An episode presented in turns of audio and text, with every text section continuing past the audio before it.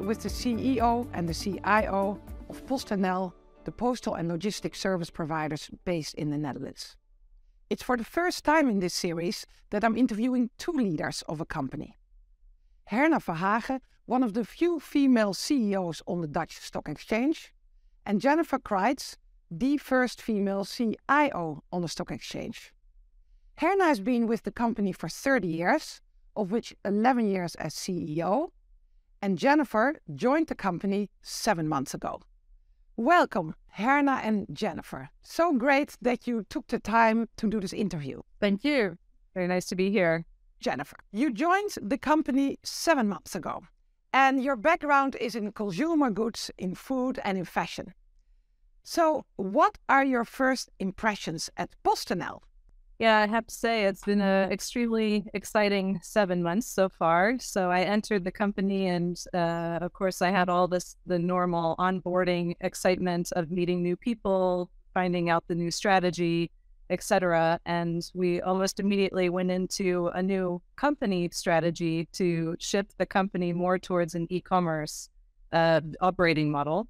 So that brought already some additional change and excitement within the first couple of weeks of, of my joining. Yes. And, and on top of that, yeah, on top of that, we also, of course, just like every other company, started really feeling the pressures of all the macroeconomic challenges that that we're facing. So it's definitely been, um, I would say, an exciting seven months. I think PostNL already has gone through a lot of changes. I think Herna uh, during your time as a CEO, of course, a major transformation from being mainly a mill uh, delivery service provider to being much more focused on parcels. Uh, you also already talked now, Jennifer, about a new e commerce strategy. So I would love to talk about this transformation. But to start with the very important basics the customers. Uh, Herna, who are your customers and how did their demand change in the last 10 years? Yeah, I think PostNL, of course, has um, has not only a, a, function in mail and parcels, but it also has societal function. So the true answer to your question is it's 17 million Dutch people and it's 11 million Belgian people. Because in the end, every consumer is our customer. Uh, also, every business customer is our customer. Uh, they come into our retail stores, they have contracts with us, etc., etc. So, if you truly talk about the amount of customers, it's a big amounts, it's huge amounts. So, crucially important is to find out, indeed, exactly what you're asking. Uh, what is the question of all of those customers? What are the denominators? And of course, where do we see equal desires and where do we see different desires? And I think that has changed over the last 10 years, partly because we became from a mail company much more an e commerce logistics company, partly also because the way we act, behavior, what we expect has also been changed by the use of our mobile phones, by the apps we use, by the convenience we have on the internet. So there many ways in which desires have been changed uh, over the last few years. The only way to maintain that very important position is that you're constantly trying to keep to be ahead of those developments. Um, and that's the reason why we say the, the, the change to e-commerce is crucial, but also the change to much more digital is crucial. And underneath that is a huge IT transformation. But if you start with the customer, as you say, you want to be ahead of the developments. And we always say, like, digital is not for digital sake, it is to serve the customer better. And, and can you give examples of how you serve the customer better now with digital? Yeah, to give you an example, I think when we started the uh, app within PostNL, which by now have almost 8 million um, unique consumers in it, it was already uh, it was special to have an app. Today it's normal. Um, for example, five years ago, when we started in the app that you could could follow your parcel, it was special. Nowadays it's normal. But nowadays you would expect that you can exactly decide yourself how do you want to receive your parcel. So there are many changes. If you think about uh, what uh, are people expecting, there are many, many changes. And I think one of the most, for me, unexpected changes is that we also give uh, consumers the opportunity to see which letters fall into their mailbox uh, within 48 hours. That is one of the most used uh, parts of the app. Yeah, it's true because I, as a customer, you know, I just want predictable. If I ordered a birthday present for my child, I want it to be on time, uh, delivered in the way that I want it. Uh, I want to be able to track it, and I'm probably not the only one. And um, so, customer demands are constantly rising, but then, of course, also the complexity is rising. And on the other hand, and that's also probably where Jennifer also comes in, you need to keep the costs under control. Uh, so complexity goes up, but the costs actually need to be lowered, I guess. So how do you use technology um, to make that happen? Yeah, we've had to really uh, turn our IT strategy for digital first in mind. So a lot of selection of technologies and platforms that are really built for an agile way of working or what we would call a shallow kind of uh, development. So Sometimes we even take development out of the hands of our IT professionals and allow the business customers or our, our business partners to make the kinds of changes that they need to make in order to be able to keep up the speed and actually to keep it relatively simple. So, indeed, that complexity can become a huge barrier. So, we've really changed our strategy to make sure that we are investing in technologies and platforms that allow us to keep it as simple as possible. And to give you an example, for example, um, because of the changes made in IT, uh, we made it possible that on every roll container we have in the organization, and roll containers you collect parcels, you collect mail, there is a beacon placed on it. And that means that we can follow the roll container or roll cage through the whole company, but also with our customers when it's on its way from a customer to us having all that data uh, of those uh, more than 300,000 roll cages means that by now we are able to, for example, create efficiencies. We have better, even a better understanding of what are the volume, volumes coming to our organization. We have a better understanding where our rule roll cages standing without any volume in it we have a better understanding how many uh, trucks we have to send to a customer to pick up the roll cages because we do know upfront how many are already there to to collect. So the I think the the uh, the fact that we have a much better IT standards and also platforms for the different functions we have in the organization that enables the operation in this case for in this example that enables the operation to work more efficient yeah. And to be even better prepared for the volumes coming to our uh, sorting and delivery center. I was also wondering how do you use the data to constantly improve the customer propositions? So we've been investing in our data platform and our data quality for a number of years now with the intention to offer more value based services through data to the customers. Um, so different types of reporting, some some kinds of forecasting uh, modeling for them as well, based on the the history of their data. Um, we also have some algorithms to try to help our customers for also gaining efficiencies. For example, how can they select the right packaging material? How can they uh, minimize the amount of airspace that's in their their packages based on algorithms that we have provided to them? and based on what we know about their product selection. So we have quite a number of ways to uh, make value out of the data that we've been collecting over the years and to give it back to the customers for for increased um, value propositions for them. One of the examples, um, in, and that's also based on the data and, and, and the fact that uh, uh, artificial intelligence is used to build a model, is that when a parcel uh, parcel deliverer comes to your door, you're not at home. He normally brings uh, the parcel, of course, to one of the retail stores. Uh, in the past, he brought it to the retail store he thought he, it which was nearest. Um, but some of our retail stores are much more busier than others, so sometimes there was not enough floor space for those parcels. And then when you came to the retail store, it was difficult to find the parcel or you had to wait too long. Yeah. That's what we've changed.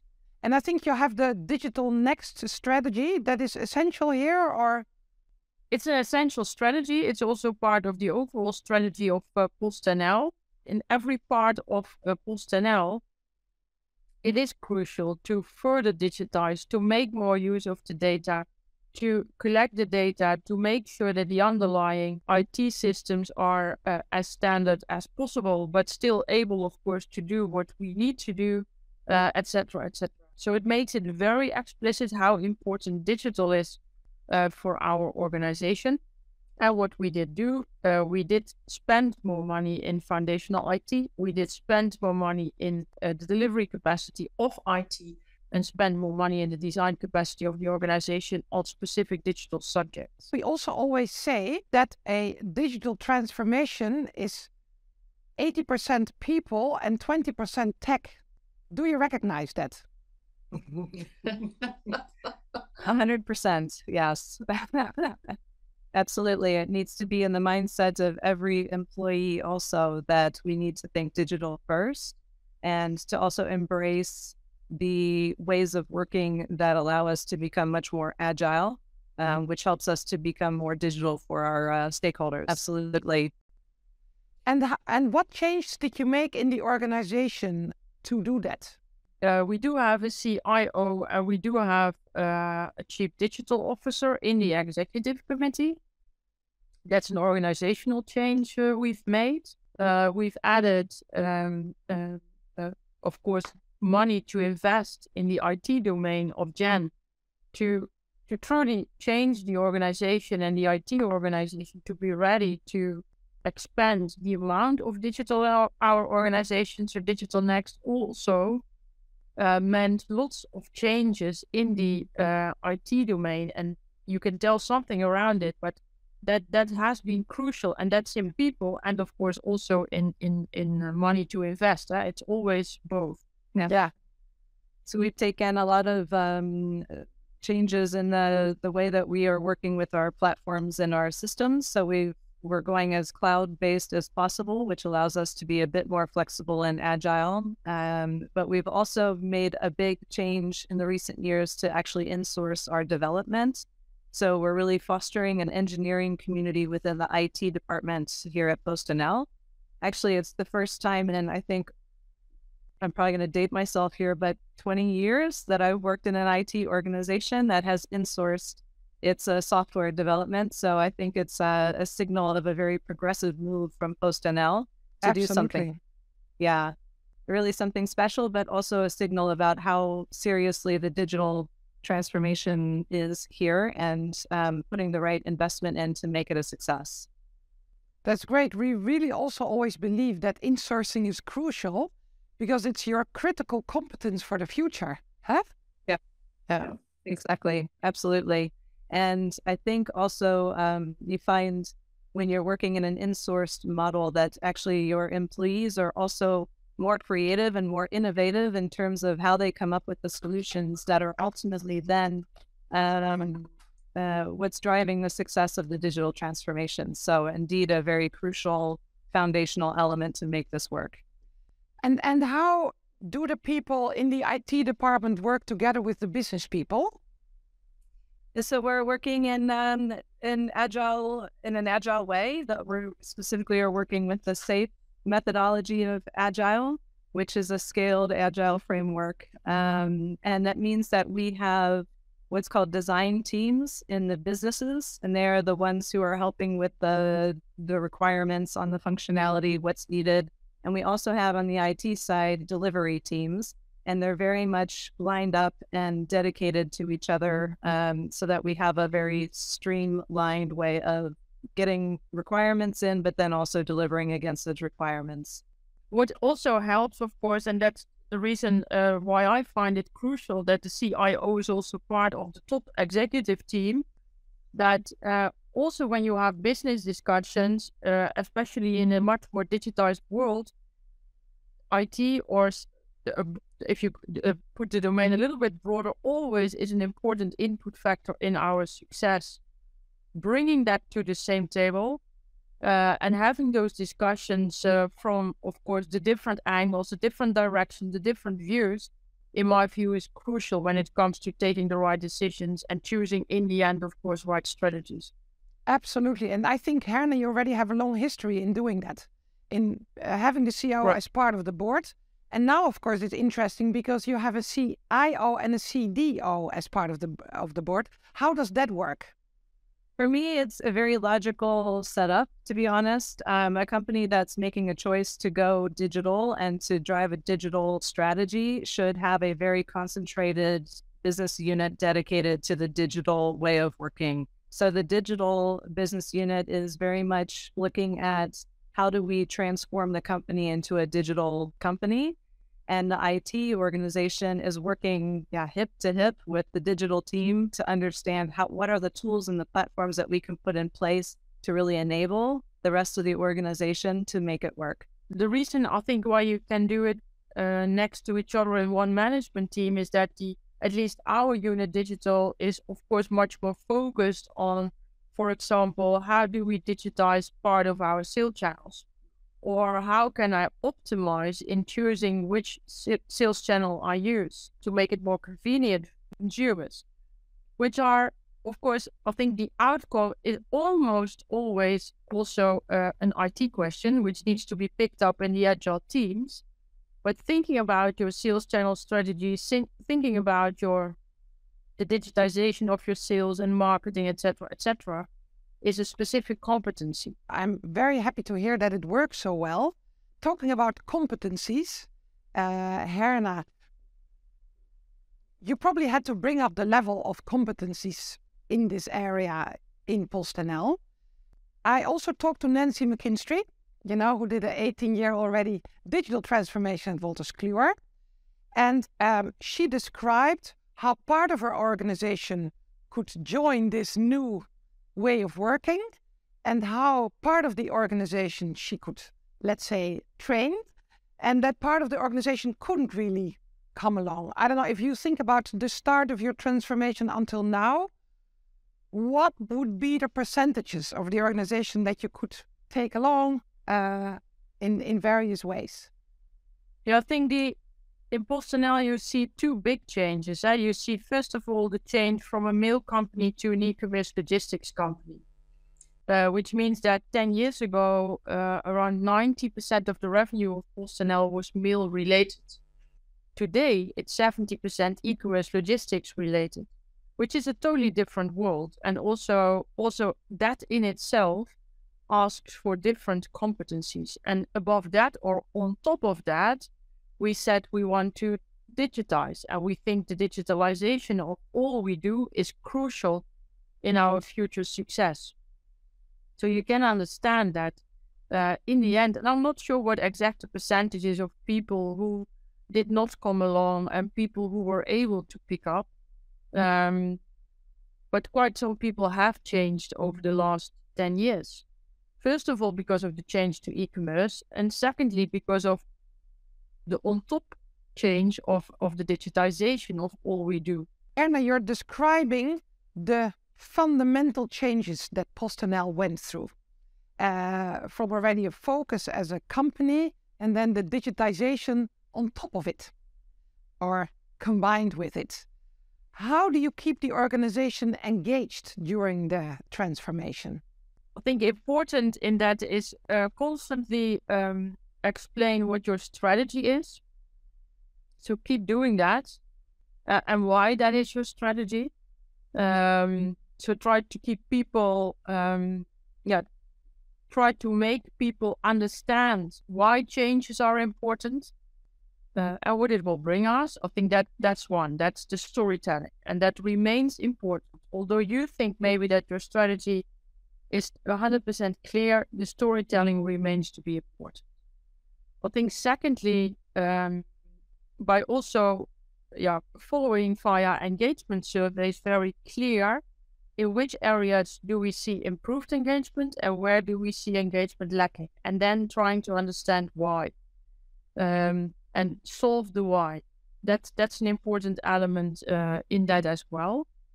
Uh, and I do think that with the change of the organization, we brought in lots of new competencies, different backgrounds, different ages. Yeah. That also helps because there are many people in the organization who love the fact that it's much more diverse than it was before in many ways. Um, that also helps. So it creates a different, uh, a di- different atmosphere, and in that sense, um, I would say it it helps motivation. Of course, there are other organizations and leaders who are earlier on in this journey. Are there any lessons learned that you can share? You know, we always see that uh, it's very easy to talk about the online first companies, about the pure players, but I think companies who really, you know, who have a legacy of a different business, of a different IT systems, of different people, and then to go through it. So, any lessons learned for others? Um, my first lesson would always be be clear and honest. Uh, so, when changes are necessary, explain a clear why. Um, but do not hesitate to change. So that's I think one that sounds simple. It probably is simple, but that's the basis under every change in the organization. Uh, a second important part for me is that you're as strong as the team you have around you. Uh, so the, the fact as a CEO you can give direction, but you can never change the organization. That needs much more people. Uh, and the team around you, in this case, the executive committee, is crucial in that as well. So having a group of people together who believe that that strategy is the right strategy for the organization and do understand how to translate that into action, uh, in my view, is uh, is important. And I think clear goal setting. So, but that that's more me personally. Um, I have I have a clear goal in mind and I never lose sight of that goal. And of course, you go a little bit to the left, a little bit to the right, etc., etc. But in the end, um, I keep try to keep track on where we need to go to. Yeah, because of course you're listed on the stock exchange. Also talking about external stakeholders in a process like this. How does that play a role, or any lessons learned there? That they play a very important role because in the end they finance the organization. Uh, so also there, the, what I always say is, if you truly want to change, then you have to make sure that your stakeholders are aligned. I think companies that really want to make this a success, we've, we've talked a lot about what the investment was in the IT foundation to get it to a point where we could also help enable the transformation. And I think a lot of companies hope that they can become digital, but not really have to spend the money to do so. So I think also a, a success criteria is to be willing to put some investment in to make the change happen. And of course, how much you can put in determines how fast you can move. Um, but I certainly think it's something that uh, I've certainly seen in my past where um, that a lot of companies want to do it, but simply are not in a position to be able to invest and make it go fast enough. Yeah, I think that's very right. What you both are saying. It's also a lot about leadership, huh? Because you cannot predict everything. So it needs a vision, it needs clear goals, it needs the investments before all the benefits are clear. But it should be clear that this is the future, this is the only way. And on the way, you constantly have to engage all the stakeholders around you to constantly explain, as you say also, Herna, it is necessary. We have to do the investments.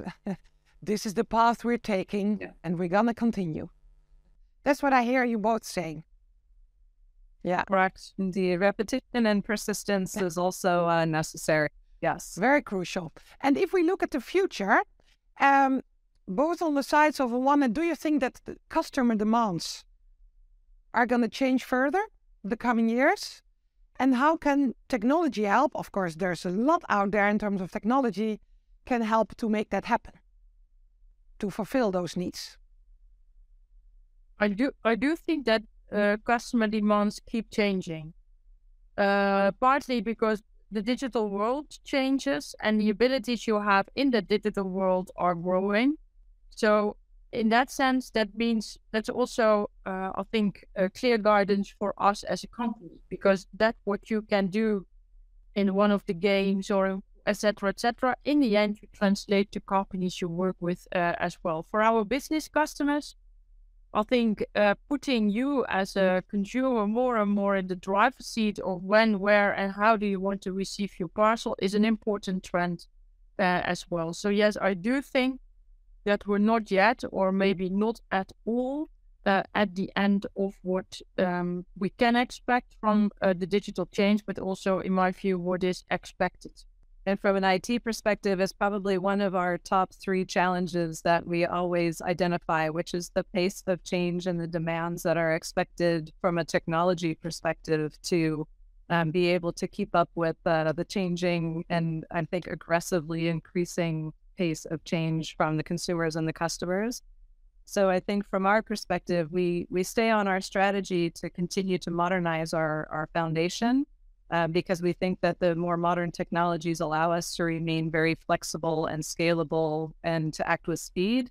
And on top of that, also continue to invest in the data foundation because I think with the data and the creativity of our people around what to do with the data, the possibilities are really just limited by the imagination in terms of what we're able to achieve for for our customers and consumers. Yeah. And and I think that part of the customer demands will also be or are already around sustainability. And I know it's also a fundamental part of your strategy. So maybe you can also tell something about your goals in that area and uh, and also again the role of technology to play in there. Yeah, I think when it comes to ESG, um, ESG is a crucial, has always been, but uh, I think uh, at this moment in time, much more at the forefront and in the past is a crucial element in that strategy. And when it comes to the E and the S and the G, it's a licensed operator. And in that sense, uh, also there are lots of changes uh, over the past few years, but also lots of changes I expect going forward. When it comes to the S, uh, so the sustainability, so when it comes to the E, sorry, environment, it's much around that we want to have our last mile fully emission free by 2030. And by 2050, we want to have the whole organization um, CO2 emission free. What I do hope is that, of course, technology will help us to do that much faster than we currently can think of. But the important steps we're taking, for example, at this moment in time, uh, uh, I think we're by far the most cleanest per parcel um, when and is, for example, the introduction of our light electronic vehicles in the city centers, much smaller vehicles which are uh, uh, uh, uh driven via e- electricity, um, which helps us, of course, to be um, less carbon emission in the city centers, less traffic jams in the city centers, and in that sense, uh, much more convenient. So we take lots of steps. If we build a new sorting center, that sorting center is anyway uh, totally BREEAM proof, which means that we do everything to be as sustainable as possible, which includes lots of solar cells on the, the rooftops uh, we have.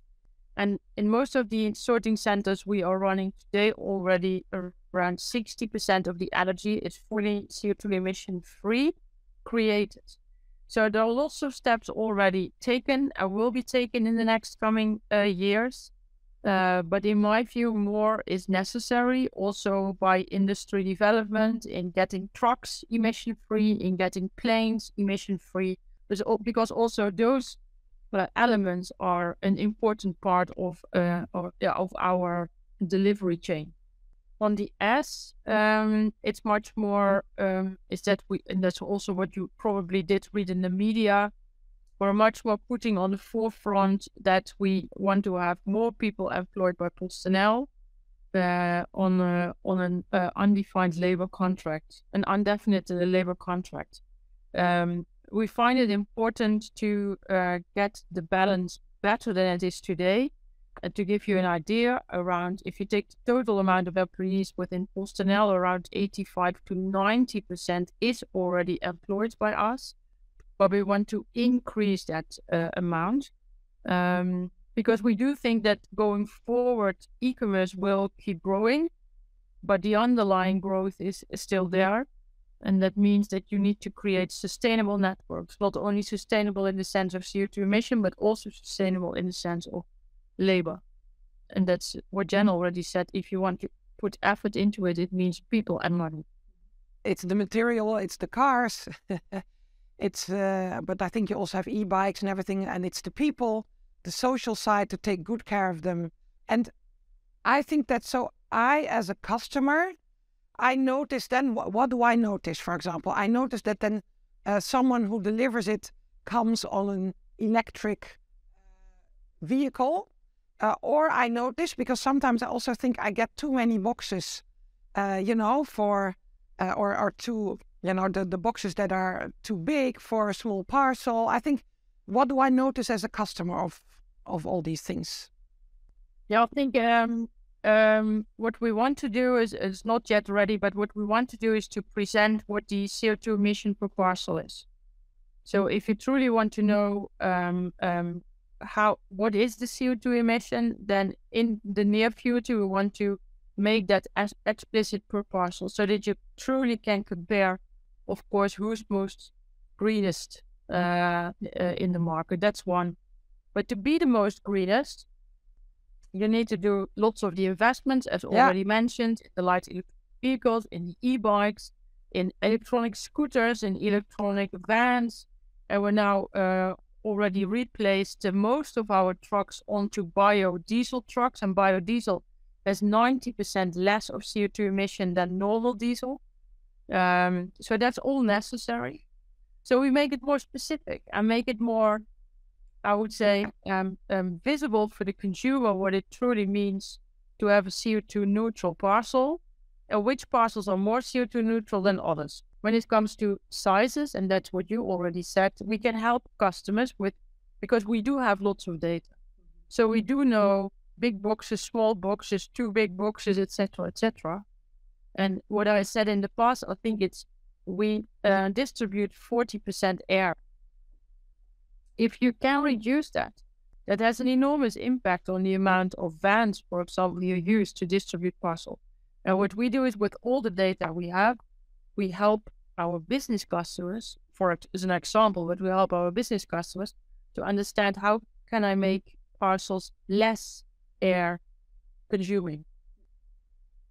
I think that's great. That, that's the real progress that's needed. And it's possible now, as you also say, Jennifer, with the data. So uh, let's do it.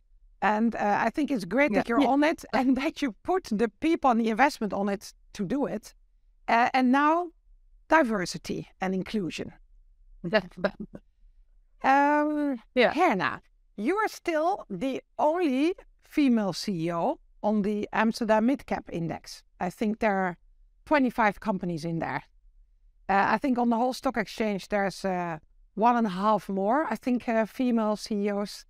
We've got Nancy and Geraldine. Uh, but you're on the Amsterdam Midcap. You're still the only one. Now, when can we welcome more women? Yeah, I think it's coming. I also I'm I'm very much in favor of the quotas we have in the Netherlands, and also making those quotas uh, mm-hmm. applicable to uh, boards of management. Uh, but on the other hand, what I also do see is that when it comes to the when it, when you want to have more female CEOs, you need to have a pipeline with more qualified women. And lots of companies have built those pipelines. So when I look into the board of management level minus one, I see much more very successful women than I did see five to 10 years ago. So in that sense, I'm quite hopeful, to be honest, that there is, uh, uh, there is in my view, lots of uh, potential uh, available. But to give you an exact date, I don't know. but although um, I also understand understand the skepticism, I also do think that progress has been made in enabling to get to any. Yeah, I think your pipeline and having all those senior managers is a crucial enabler to get them in the end on a CEO function. Yeah. And then last but not least, of course, you need the supervisory boards who then um, uh, take the opportunity to select a woman, like we did with Jen, which is also the first female CIO of a stock listed company. Which is great. I think that is great. And uh, yeah, seriously. And uh, Jennifer, with your, you know, diverse background, uh, do you have any advice for other women and men out there? I think the advice I would give is probably um, don't stop going for what you want, right? And and only you own your career. No one else is going to own it for you. So if there's an ambition to get to that level, you need to make sure that you're owning the steps to get there and not wait for someone else around you to necessarily help you. Of course, you want to build your networks and you want to find your sponsors, and that's very critical, but that's still an action that belongs with you. So you need to really take your career by the horns and decide for yourself that you want to go for it and not wait for others around you to, to help you uh, necessarily uh, initiate steps. You need to st- initiate those steps yourselves. So I would definitely give that advice. It's advice that I find myself giving often. Um, yeah, so I think also um, the networking is absolutely critical. So take the opportunity to get out there and meet with people um, through industry events or some sort of um, um, external uh, groups that you can become part of. They're more critical than you'll ever think. Um, I think I heard a stat the other day that for PostNL, the the talent that we're able to bring in and actually uh, get into the company, I think is about 60 to 65 percent through networks of our current employees. So it's actually quite a strong oh, wow. number which also shows the effectiveness of the the networking. So it's it's definitely an element that everybody should be building throughout their career when their ambitions are as high to get up to a CEO or a CIO level. I think that's great advice, and it and it worked for you as the first female CIO, so that's a great example as well. And Herna, do you have any yeah. other advice next to this advice? Yeah, I think more um, um, so the answer absolutely, absolutely yes. Uh, I do think diversity, and of course, two two females here, you automatically think about gender diversity, but diversity and inclusion is of course broader than only gender. Uh, what is, in my view, crucial that it is chefsache. So you need to take it as your responsibility as a CEO. Um, that's one. Th- there it starts. You cannot make it an HR uh, uh, an, an HR priority. Of course, they can enable lots of what you want to do, but it needs to be your responsibility. I think that's for me crucial if you want to make it, if you truly want to make it happen. And the second one is um, um, you have to spend attention to it, I would say daily, but very often. It doesn't come automatically. So set clear targets, bring it up in the discussions with your senior management, make appointments which are visible, of course, for the others, and do that month over month, year over year. That is, in my view, what in the end creates um, a more diversity and which enables you to appoint senior women uh, on positions. But it's relatively easy stuff. Hmm? Just make it your own priority and spend attention to it. That's it. I think it's com- it's completely easy. I mean, anyone can do it. You could almost argue. That's that's correct. Anyone can do it. It's much more when you're truly willing to make yeah. the change. And I think it's great what you're saying that the pipelines, because I agree with you, of course. It's about uh, attention and focus and spending time on the whole topic. And it's so great that that already resulted, apparently, in very good pipelines and very good women performing everywhere in the minus one board level. Uh, so they're they're just gonna come up. I mean, it's there. There's no other option. Um. So yeah. Yeah. That's what I think. Yeah. Yeah.